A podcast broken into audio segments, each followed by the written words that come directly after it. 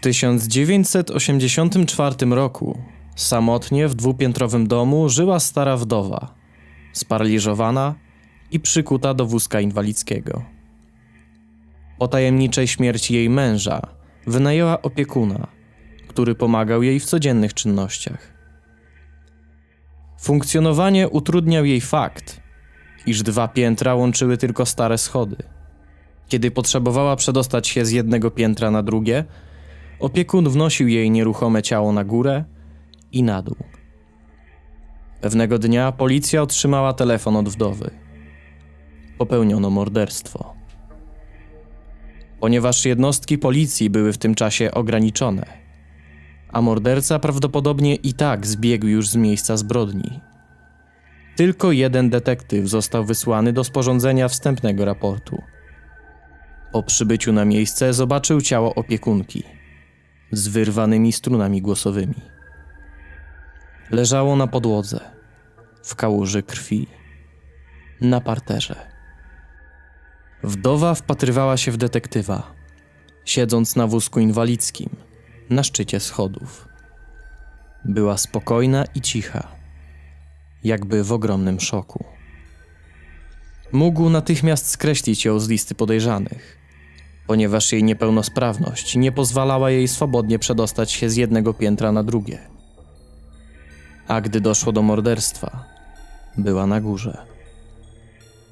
Podobnie było w przypadku śmierci jej męża, uduszonego podczas snu, na kanapie na dolnym piętrze. Detektyw założył rękawiczki, zrobił parę zdjęć, zebrał kilka śladów i zakrył ciało przed przyjściem koronera. Same rutynowe czynności. Przejrzał dolne piętro w poszukiwaniu jakichkolwiek poszlak, a gdy nic nie znalazł, spytał wdowę, czy może wejść na górę. Kobieta zapewniała, że była tam cały czas i nie ma szans, by w tym czasie pojawił się tam ktoś inny. Detektyw wszedł jednak na schody, a kobieta ustąpiła mu miejsca. Na piętrze znajdował się wąski korytarz z trzema drzwiami. Po kolei sprawdzał pokoje. Pusta sypialnia nic. Łazienka nic. Zaniepokojony zbliżył się do ostatniego pokoju, w którym spała wdowa. Otworzył drzwi. Wszystko wyglądało normalnie. Łóżko, szafa na ubrania i szafka nocna z lampką. Sprawdził każdy kąt pokoju i spostrzegł fakt, który zmroził krew w jego żyłach. Powoli wyciągnął pistolet z kabury. Ten szczegół był tak drobny, że przeoczył go podczas śledztwa w sprawie śmierci męża.